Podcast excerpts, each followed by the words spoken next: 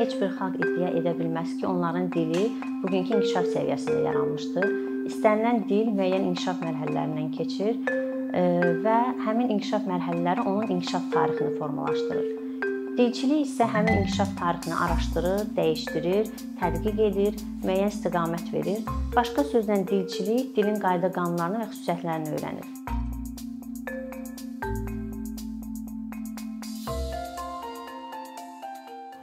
Azərbaycan dili nə qədər qədimdir?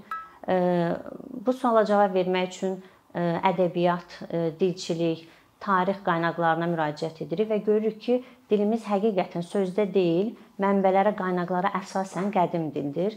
Oğuz Qıpçaq tayfaları Qafqaza, İrana köç edənə qədər artıq burada türk dilli tayfalar məskunlaşmışdılar və onların buraya bu ərazilərə köçü sadəcə olaraq həmin tayfaların bir xalq kimi formalaşma prosesini sürətləndirir. Bunu onların dilinə də aid etmək olar. Yəni həmin tayfaların köçü sadəcə olaraq onların dilinin formalaşma prosesini sürətləndirdi. Yəni artıq o tayfalar gələnə qədər burada türk dilli tayfalar var idi və onların müəyyən dili formalaşma ərəfəsində idi.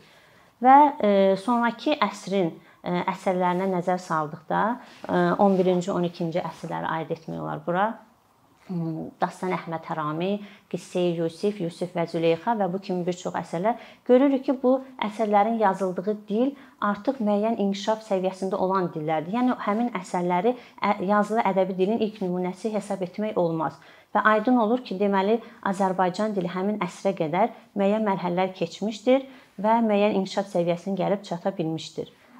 Bütün bu prosesləri nəzərə alaraq Azərbaycan dilinin inkişaf mərhələlərini bir neçə yerə bölür alimlər.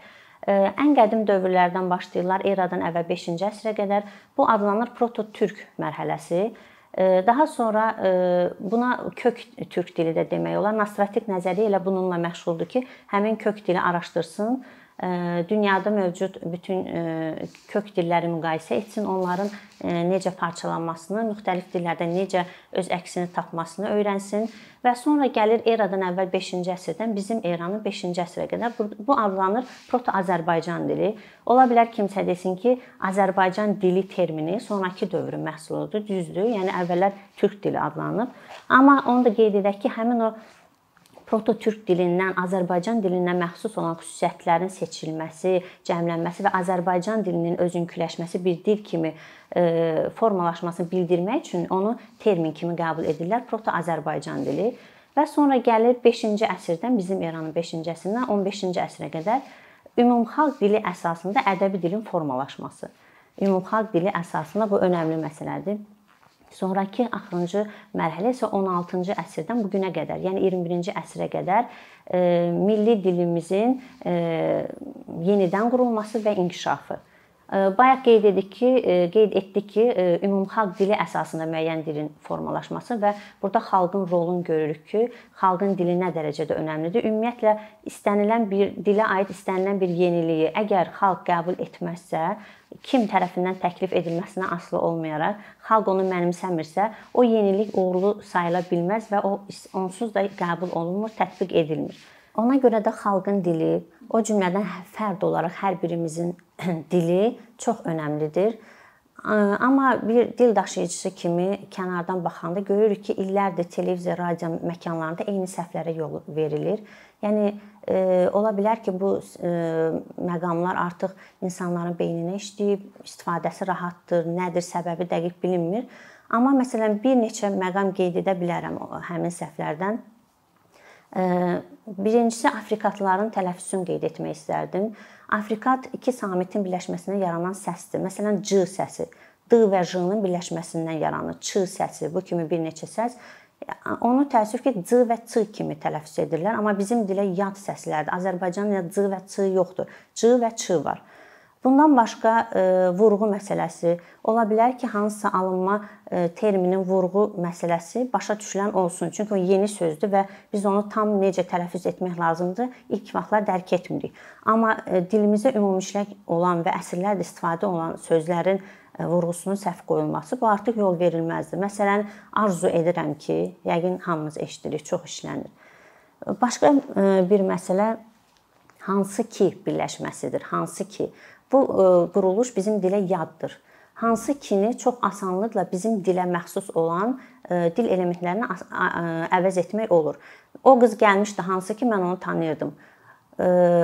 Gələn qızı mən tanıyırdım. Görürsüz, həm asandır, həm bizim dilə aiddir. Tələffüzündə də heç bir problem müşahidə olunmur. Eyni eyni e, o cümlədən bunu fe'li e, sifət tərkibi ilə də əvəz etmək olur, daha mürəkkəb quruluşlardır. E, bundan başqa istənilən televiziyada nümayiş olunan gedən verilişin proqramının qonaqlarına söz verilən kimi, söz verilən kimi Hamısı deyir ki, ilk öncə məni qonaq dəvət etdiyiniz üçün hər birinizə təşəkkür edirəm. Yəni bu ilk öncə artıq illərdir işlənir və bir növ qəlibləşib. E, ikisi də eyni funksiyaya malik elementin nəyə görə yanaşı işlənməsi e, biraz sual altındadır. Ya buna ilk olaraq öncəliklə əvvəlcə məni dəvət etdiyiniz üçün təşəkkür edirəm kimi işlətmək olar və bu daha düzgündür. Bundan başqa bir məqamda qeyd eləmək istəyirəm. Müəyyən bir şeylər, müəyyən bir yeniliklər. Əgər əvvəldə bir sayı varsa, sondakı lalələr şəkilçisi nədir? Lalələr varsa, əvvəldəki bir nədir? Müəyyən şeylər bu cəmlik bilir, müəyyən bir şey isə müəyyən vahid bir şey bildirir. Bunun ikisinin e, calaq olunması bu da yol verilən yanlışlardan biridir.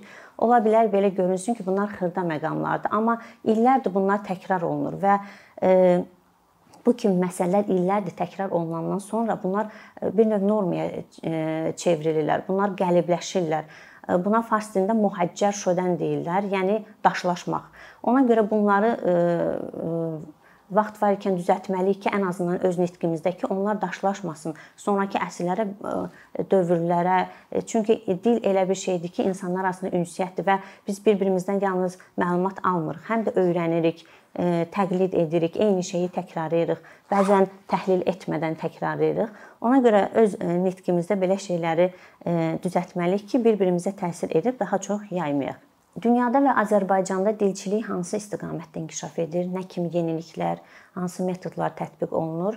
Əvvəl onu deyim ki, dillərin əksəriyyəti müəyyən proseslərlə mübarizə aparırlar heç bir dil, yəni bütün dilə aid məsələləri həll edib e, e, gözləmə mövqeyində deyil. Bundan sonra nə baş verəcək? Ən azından onu qeyd edim ki, müəyyən dövrlərdə coğrafi e, ərazilərdən və tarixi şəraitdən asılı olaraq hakim dillər olub. Buna lingua franca deyirlər. E, common language, trade language kimi e, terminlərlə adlandırırlar və e, bu gün yenə deyirəm müəyyən coğrafi ərazidən asılı olaraq ingilis dili bu rolu daşıyır, amma müəyyən tarixi mərhələdə bu dil funksiyasına çıxış edib ərəb dili, latın dili və s. İngilis dilinin dünya dilləri dillərinə təsiri danılmazdır. Yəni bütün dillər bunu ya qəbul edirlər, ya müəyyən dərəcədə qəbul edirlər, ya da bununla mübarizə aparırlar ki, öz dilləri ingilis dilinə aid olan terminlərlə, sözlərlə dolub daşmasın. Bəzi dillər bunun üçün, bəzi xalqlar bunun üçün müəyyən qurumlar yaradıb. Dünən bu gün deyil, çoxdandan. Məsələn, İranda Fərhəngistan e, deyirlər. Bizim akademiya dediyimiz qurum var və onlar e, artıq e, uzun illərdir bu kimi məqamlarla mübarizə aparırlar. Öz dillərinin saflığını qorumağa çalışırlar. 20-ci əsrin 30-cu illərində Rıza Şahın göstərişi olur və o purizm hərəkatını, dilin təmizləmə hərəkatının başlanğıcını qoyur ərəb və türk mənşəli bütün sözləri göstəriş verir ki, Pəhləvi, əsl Pəhləvi mənşəli fars sözləri ilə əvəz etsinlər və hərbi leksika, yəni türk mənşəli hərbi leksikanın həmin əvəz olunması prosesinə şəxsən özü nəzarət edib. Bu nə dərəcədə uğurlu alınıb, bunu demək biraz mübahisəlidir. Təbii ki, müəyyən böyük bir qism leksika əvəz olunub, lakin bunu tamamilə yox eləmək, əvəz eləmək qeyri-mümkündür. Burada ərəb dilindən də biraz danışmaq istəyərdim. E, lingua francanı dedik, bir də var lingua sancta, yəni müqəddəs dil. E, müəyyən dinin kitabının yazıldığı dil. Ərəb dili məsələn İslamın kitabı ərəb dilində yazılmışdır və İslam dinini qəbul edən istənilən xalqın dilində mütləq ərəb dilindən məxsus terminlər olacaqdır. Məsələn, e, namazın növlərini öyrənəndə müstəhəb namazı mütləqdir ki, o terminlərdə hər hansı bir dili biri onların dilinə keçəcəkdir. Bəzən məsələn müzakirə zamanı farslılar deyir ki, sən bizim sözlərdən istifadə edirsən, amma əslində baxırsan o sözlər etimoloji cəhətdən ərəb sözləridir və İranda yaşayan xalqların, farsların xüsusilə bunu iddia etməsi bir qədər e, gülünc olardı. Çünki onların əlifbası ərəb əlifbasıdır. Ora 4 səs əlavə edib istifadə ediblər. E, bundan başqa onların leksikasının 50% ərəb sözləridir.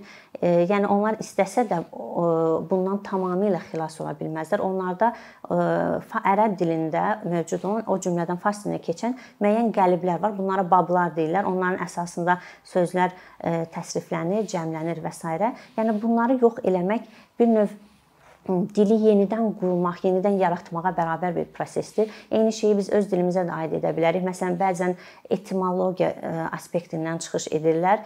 E, biraz milliyyətçilik və s. məsələlər e, cəlb olunur, amma etimologiya cəhətdən yanaşsaq, onda gərək dilimizi bir növ yenidən qurub yaradaq. Çünki bizim gündəlik istifadə etdiyimiz ən adi əşyaların adları bir də görsən ki, başqa dillərə aid olur. Məsələn, elə ərəb dilindən danışdıq, dəftər, kitab bunlar ərəb mənşəli sözlərdir. Biz bu qədər işlək olan sözləri hansı sözlərlə əvəz edə bilərik?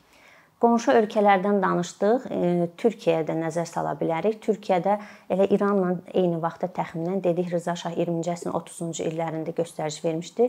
1932-ci ildə Atatürkün e, göstərişi ilə e, dil devrimi deyilən proses başlanır və 1938-ci ildə 6 il ərzində mütəmadi fasiləsiz şəkildə həmin proses davam etdirilir. Daha sonra 82-ci ilə qədər bu proses pərakəndə şəkildə həyata keçirilir. Amma 82-ci ildə Türk Dil Kurumunun öz fəaliyyətini dayandırması, yenilənməsi səbəbilə bu prosesdə dayanır və Türk Dil Qurumu təbii ki, sonradan yenilənir. Bu günə qədər öz fəaliyyətini davam etdirir. Onların gətirdiyi yeniliklərdən bir neçə nümunə də verəcəyik. Amma ondan əvvəl onu deyim ki, bu proses, yəni İranda aparılan purizm hərəkatı və biz Türkiyədə həyata keçirilən həmin o dil devrimi Azərbaycan dili üçün həyata keçirilməmişdir.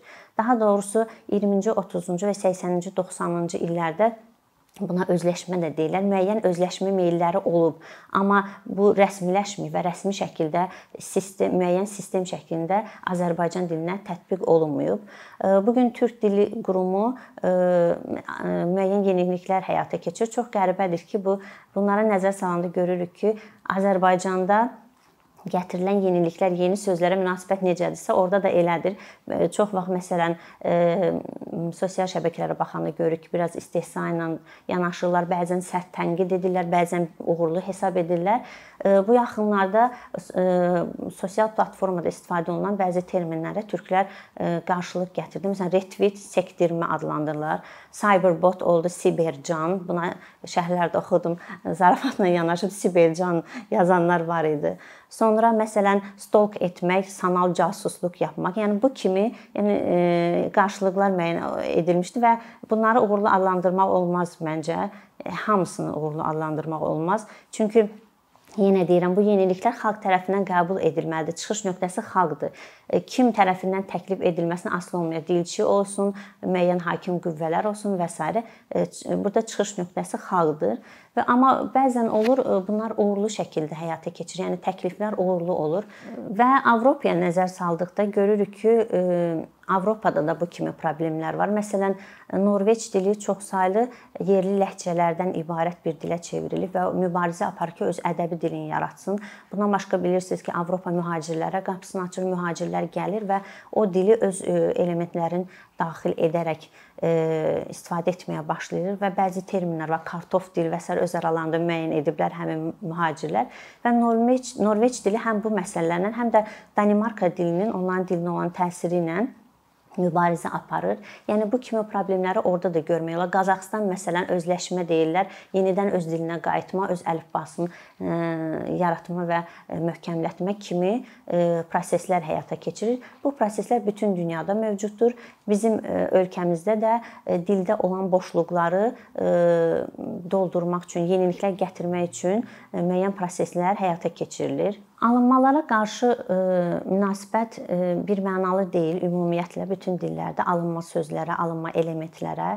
Bəzən milliyyətçilik aspektindən yanaşıb onları rədd edirlər, qəbul etmək istəmirlər. Amma elə bir dil yoxdur ki, orada alınma olmasın.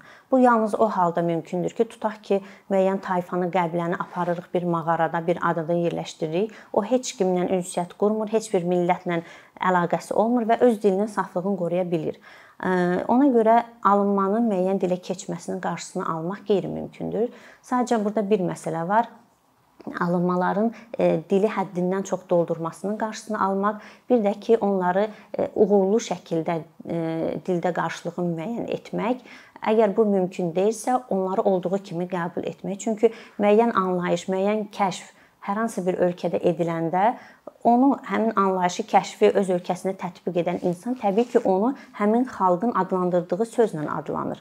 Bu keçmişdə də baş verib şifahi xalq ədəbiyyatı nümunələri, nağıllar, hekayələr, digər ölkələrin e, nümayəndələrini gedib çatanda özü ilə müəyyən elementlər də gətirib çıxardır. Yəni alınmalara qarşı bir mənalı səd çəkmək mümkün deyil onsuz da və düzgün də deyil. Dedik ki, dil alınmalarla dolub daşmamalıdır. Bu həqiqətən belədir. Bəzən məsələn bir insanın e, hər hansı bir alimin yazısını oxursan, məqaləsini, kitabını e, və yaxud da kimisə nitqinə qulaq asan başdan ayağa terminlərlə doludur. Bu e, bir növ bəzən savadın göstəricisi kimi təqdim olunur, amma əslində ən gözəl, ən dərin əsərlər sadə dildə yazılmış əsərlərdir bir nümunə də gətirmək istəyirəm. Dəlilik səhrası adında bir hekayə var Seyid Məhəmməd Camalzadənin. Orda bir insan öz ruhi sağlamlığını itirir və e, dəfələrlə onun ziyarətinə gəlmiş bir e, şəxslə nəhayət ki, onun çox salih cəhdlərindən sonra ünsiyyət saxlamağa qərar verir həmin ruhi e, e, balansını itirən şəxs əvvəllər e, xaricdə təhsil alıb, kifayət qədər savadlı bir şəxs olub və ona dediyi ilk cümlə olur ki, mən səninlə danışmağa razıyam, amma o şərtlə ki, mənlə terminlərlə danışma. Yəni terminlərlə yüklən, yüklə öz danışığını yükləyib mənə savadını sübut etməyə çalışacaqsansa, gəl ünsiyyət qurmayaq. Yəni həqiqətən belədir. Müəyyən mətni terminlərlə həddindən artıq yükləmək və bu terminləri dilə daxil etmək, e, həmin sözlərin dildə qarşılığı var ikən bu yol verilməzdir. Alınmalara qarşı münasibətimiz yalnız bu məqamda sərt olmalıdır. Yoxsa alınmalar bütün dillərdə var. Onların istifadəsi normal qəbul edilməlidir. Məsələn, e, hamımız telefondan istifadə edirik. Onun ön kamerası var. Ön kameranı kəşf edən şəxs onu selfi çəkmək deyir. Məsələn, onun vasitəsilə şəkil çəkməyə və selfidə bütün dillərə keçir. Məsələn, e, qərbdə yaşayanlar üçün bu e, ingilis dilində danışanlar üçün bu adi bir haldır, çox asandır. Onlar e, selfi sözünə istifadə edir və onu ilin sözü kimi Oksford lüğətinə daxil edirlər. Amma digər xalqlar başlayırlar onun qarşılığını axtarmağa. Məsələn, Türkiyədə buna öz çəkimlə əvəz edilir. Əvəz etməyə cəhdindir, amma inanmıram ki, yəni Türkiyədə gənclər öz çəkim desinlər. Onlar da selfidən istifadə edirlər. Yəni bu kimi nümunələrin sayını artırmaq mümkündür. Bəs Azərbaycan dilində yeni sözlər necə yaranır? Hansı metodlar tətbiq olunur? Bəzən bu uğurlu alınır, bəzən uğursuz alınır. Bəzən uzun müddətli müzakirə edir, bir nəticə çıxmır. Kalkadan danışmaq istəyərdim. Yeni sözlər yaradılanda ən asan asan yol odur ki, başqa ölkələrin tətbiq etdiyi sözləri olduğu kimi götürək, tərcümə edək. Bəzən bu uğurlu alınır. Məsələn, hündür binalar qərbdə e, tikilib. Ona skyscraper deyiblər, məsələn ingilis dilində e, səmanı cızan. Eyni şeyi bizim e, dilə tətbiq edib. Türkiyədə də tətbiq olunub gökdələn, bizdə də göydələn və farslar da asiman xəraş. Xəraşidən də cızmaq, dəlmək eyni mənaya gəlir. Məncə göydələn sözünün istifadəsi üçün hər hansı bir məna yoxdur. Həm tələffüz baxımından, həm məna etibarı ilə. Sonra bizim dildə ön yarğı sözü istifadə olunur. Ön yarğı sözündən bu da Türkiyə türkçəsindən götürülüb. Bir də qərəz sözündən istifadə edirlər həmin mənada, amma qərəz həmin mənanın tam qarşılığı deyil. Э, Önyarğı isə e, ingilis dilində prejudice, rusca predubejdeniya sözlərinin hərfi tərcüməsidir. Əslində, yəni türklər də özlərindən yeni bir söz e, irəli sürməyiblər. Və bizdə də götürüb onu eyni ilə e, istifadə edirlər. Amma bizim dildə suizdən və hüsnizdən sözləri var. Hüsnizdən birini tanımırsan, onun haqqında müsbət fikir formalaşır səndə. Məsələn, tutaq ki, geyimi xoşuna gəl, görünüşü və deyəsən çox gözəl insandır və hüsn zənn e, formalaşır səndə və ya da birini tanımırsan, kimsə sənə onun haqqında nə isə deyir və səndə suizən formalaşır. Onunla bir kəlmə də kəsmədən onun haqqında pis fikirləşirsən və ya da müəyyən məsələyə suizənlə yanaşırsan, tənqid edirsən. Yəni bu bu həm hüsn zənn, həm suizən e, məsələlərini özündə birləşdir birləşdirdiyi üçün bir dil daşıyıcısı kimi mənim fikrim budur ki, zənn ilə yanaşmaq sözünü iş, e, işlədə bilərik. Yəni nə qərəzli yanaşmaq, nə də ki e, ön yarğı ilə yanaşmaq, zənn ilə yanaşmaq. Burada həm gedir hüsnü zənn, həm suizən. Yəni sən bu zənn ilə yanaşma deyəndə necə ki Türkiyə türkçəsində ön yarğı ilə yanaşma, sən bilmirsən ki, o müsbət mənada ön yarğı ilə yanaşıb, yoxsa mənfi cəhətdən. Eyni e, e, eyni cür, yəni zənn ilə yanaşmaq sözü də bizim dilimizdə işlənə bilər. Təbii ki, tənqidlər boşuna deyil. Bəzən irəli sürülən variantlarda səhv olur yəni heç mənanı düzgün əks etdirmir. Məsələn, adapter sözünə yükləyici variantı təklif olunub, amma adapter yükləyici deyil, chargerdir yükləyici. O da qədim fransız sözüdür. Əvvəllər heç bu gün başa düşdüyümüz mənada istifadə olunmayıb. Arabanı yükləmək mənasında charge feilindən istifadə olunub fransız dilindən və sonradan məna çoxluğu yaranıb və bu gün yükləyici, yəni bizim başa düşdüyümüz yükləyici qarşılığı həmin o chargerdir. Yəni adapter deyil. Yəni bu kimi səhvlər də yol verilir. Yenə deyirəm, düzgün təkliflər də irəli sürülür. Hələ qarşılığı tapılmayan boşluqlar da mövcuddur. Məsələn, mən zəm məsələsini öz variantım kimi irəli sürdüm. Bu kimi məsələlər bütün dillərdə var. Gördüyünüz kimi nümunələr əsasında bizim dildə də var. Ola bilər ki, kimsə desin ki, nəyə görə ayrı-ayrı sözləri müzakirə edirik? Çünki dildə müzakirə olması lazım olan daha vacib məsələlər vardır. Daha ciddi istiqamətlərə köklənmək lazımdır. Bu proseslər də gedir Azərbaycan dilində. Məsələn, transliterasiya layihəsi hazırlanır və hazırlanıb artıq. Orfeopiya layihəsi müzakirə olunur.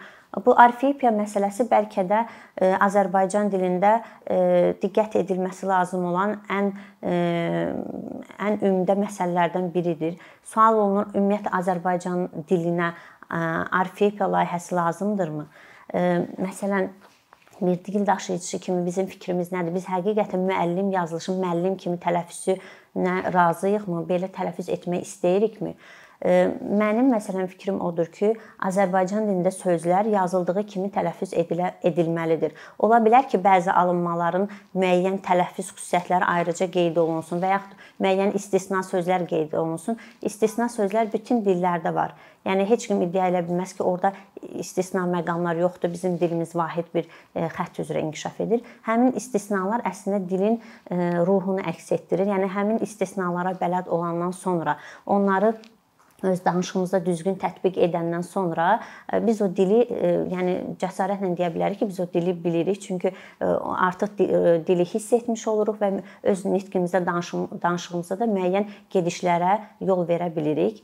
Bu orfeopiya məsələsində bu kimi sözlərin qarşılıq olaraq təklif edilməsi bir növ dilin ləhcələşdirilməsinə gətirib çıxarır. Əslində dialektlər, ləhcələr istənilən dil üçün çox böyük önəm daşıyır. Bəzən bayaq sözlərin qarşılığını tapmaqdan danışdıq. Bəzən həmin e, qarşılığı tapanda çətinlik çəkirik, amma e, dialektologiya müraciət edəndə görürük ki, o sözün qarşılığı əslində uzun müddət əvvəl Azərbaycan dilində mövcud olub, sadəcə sonra ədəbi dildən yox olub, e, itib və müəyyən dialektə saxlanılıb. Hə, onun türk mənşəli qədim variantı. Məsələn, belə bir nümunə deyim. E, hamilə qadının nə isə ürəyinin çox istəməsinə məsələn necə adlandırırıq? Kimdən 10 nəfərdən soruşsa, 8-i sizcə nə deyər?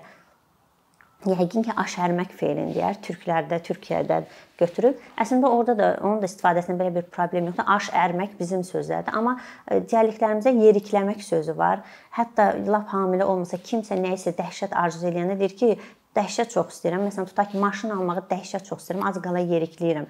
Yəni yerikləmək həddindən çox nə isə istəmək. Bu əsasən hamilələrdən e, çıxış edərək belə bir söz irəli sürülür. Yəni e, bu təbii ki, ədəbi dildə mövcud deyil, amma mənim fikrimcə onu e, dialektdən götürüb həmin o yerik aşərmək sözünün qarşılığı kimi bizim dilimizdə istifadəsi üçün heç bir problem yoxdur. Biz ayrı-ayrı sözlərdən danışdıq. Ola bilər deyilsin ki, nəyə görə ayrı-ayrı sözlərdən, dil yalnız sözlərdən ibarət deyil. Bu həqiqətən belədir. Dilin səs cildi var, qrammatikası var, sintaksisi var, amma onu da nəzərə almaq lazımdır ki, dilin lüğət tərkibi dildə baş verən dəyişikliyi ən sürətli şəkildə biruzə verən hissəsidir. Yəni dildə müəyyən inkişaf olanda o birinci növbədə bizim lüğət tərkibimizdə əks olunur. Qrammatik quruluş isə minilikləri yola sala bilər. Bu müddətdə sadəcə olaraq ola bilər nə isə arxaiqləşir, nə isə ümumiləşir, nə isə xüsusiləşir. Yəni bu kimi xırda proseslər gedir və onlar da təbii ki, qrammatik vasitələrdə öz əksini tapır. Amma əsas dəyişikliklərin əks olunduğu hissə dilin lüğət tərkibidir. Bunlar isə xalq tərəfindən daha da biraz ayrı-ayrı yanaşsaq fərdlər tərəfindən irəli sürülür. Yəni hər bir fərdin nitqi əsasında formalaşır. Ona görə, yəni mən belə danışıram, guya bir mənlə nə olacaq kimi düş düşünməyək. Hər birimiz öz danışığımızda bu kimi səhvləri düzəltsək, ümumi dilimiz formalaşacaq və o dildə növbəti əsrlərdə bizim dilimizin inkişafını şərtləndirəcək. Ona görə hər birimiz dilimizin saflığını qoruyaq. Əkinçinin yeni videoları haqqında məlumatlı olmaq üçün kanalımıza abunə olmağı və xəbərdarlıq funksiyasını aktivləşdirməyi unutmayın. Bununla bərabər gördüyümüz işlərin davamlı olmasını istəyirsinizsə, bizim patronların sırasına qoşulmağınızı rica edirik. Əkinçinin Patreon icmasının üzvü olaraq siz bizim təşəbbüsə dəstək göstərməklə bərabər hazırladığımız materialları hər kəsdən öncə izləmə imkanı əldə edəcəksiniz imkandan istifadə edərək cari patronlarımıza işlərimizi davam etməyə yardım olduqları üçün dərin təşəkkürümüzü bildiririk.